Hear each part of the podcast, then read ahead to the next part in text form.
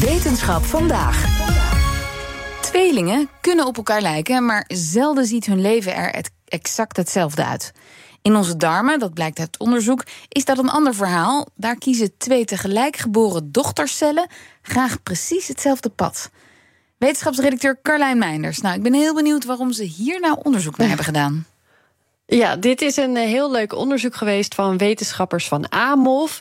Ik heb Jeroen van Zon hierover gesproken. Zijn team is al heel erg goed in het bestuderen en volgen van cellen.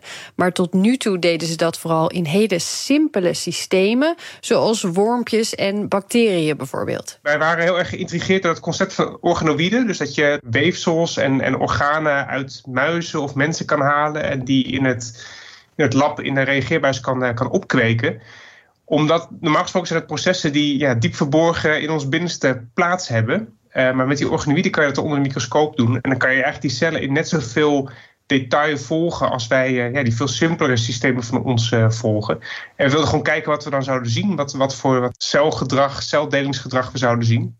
Ja, en toen hebben ze dus gekozen voor organoïden van de darm. Ja, ja, dat zijn de eerste organen geweest waar ooit van die mini-lab-versies van zijn gemaakt. Daar bestaat dus al aardig wat kennis over. Dat is een reden om voor deze organoïden te kiezen. Maar ook over het darmsysteem zelf. In het lichaam weten we al behoorlijk wat. Bijvoorbeeld dit. De darm, zowel in de muis als in de mens, is uh, een van de uh, organen die, ook als wij al uitontwikkeld zijn, dus als we volwassen zijn, nog het hardste groeit. Dat komt omdat alle cellen in onze darmen continu vervangen moeten worden. Dus het, leven als cel in de darm is zo zwaar dat ze maar een paar dagen leven, uh, drie tot vijf dagen. En dan ja, moeten ze alweer vervangen worden door nieuwe cellen.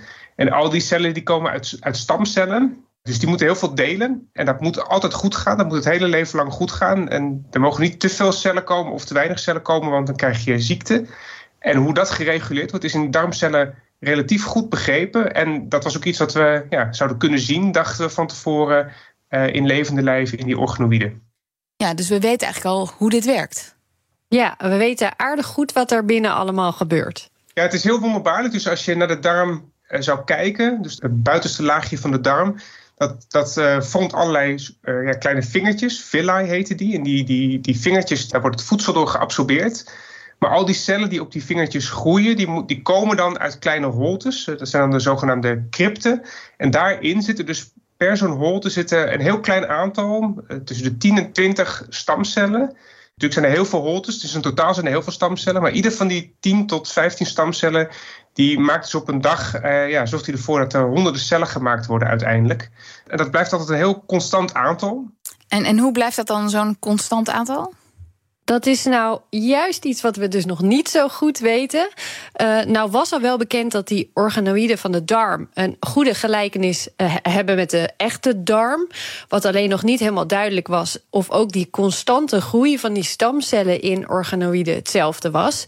Dus dat was ook een vraag die ze graag wilden beantwoorden. Daarvan zagen ze tot hun verrassing ook daarin is gelijkenis te zien. Punten dus voor hoe representatief zo'n mhm. organoïde is op dit gebied.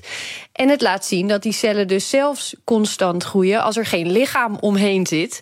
Dat ze allerlei signaaltjes stuurt. Ook heel interessant. Maar nu komen we bij de familieopstelling. Want hoe kan het nou dat dat aantal nieuwe stamcellen zo constant blijft? Een moederstamcel deelt altijd in twee dochtercellen. En wat men weet is dat, dat die twee dochters die kunnen of allebei ook weer een stamcel zijn, of een van die dochters kan differentiëren, of ze kunnen allebei differentiëren. En als ze differentiëren, zijn ze geen stamcel meer. Ja, dat differentiëren, wat is dat ook alweer? Ja, dan krijgen ze een, ja, een functie elders. dan worden ze een ander type cel. Beginnen ze bijvoorbeeld aan de opleiding niercel worden of botcel. En wat ze nu is gelukt in dit onderzoek, is een familieboom of opleidingsboom maken van elke cel apart per cel kijken wie is de moeder, wat zijn de twee dochters geworden. En dat voor zes tot zeven generaties van die stamcellen. Uh, zo zagen ze dat twee dochtercellen van een moedercel in dit geval altijd hetzelfde doen. Ze delen beide wel of beide niet. En dat wordt, denken ze nu, door de moedercel aangestuurd. En dat is de reden waarom de celgroei in de darm zo constant blijft, met daardoor dus minder kans op uh, ziektes als bijvoorbeeld kanker. Nou, dat klinkt als behoorlijk fundamenteel onderzoek. Dus kunnen we hier dan ook wat mee binnen de geneeskunde? Nou, ze leren hierdoor iets uh, over hoe stamcellen in de darm stamcellen worden en waar dat dan door wordt aangestuurd. En met dat soort kennis kun je het ook beter zien als hier iets bij misgaat, bijvoorbeeld, en die constante groei er niet is. En dat kan dan weer een, een vroeg seintje zijn, hopelijk, van het ontstaan van ja. bijvoorbeeld ziektes als kanker. Dat zou heel mooi zijn. Dankjewel, Carlijn Meinders. Wetenschap vandaag is mede mogelijk gemaakt door Brightlands. Knowledge Crossing Borders.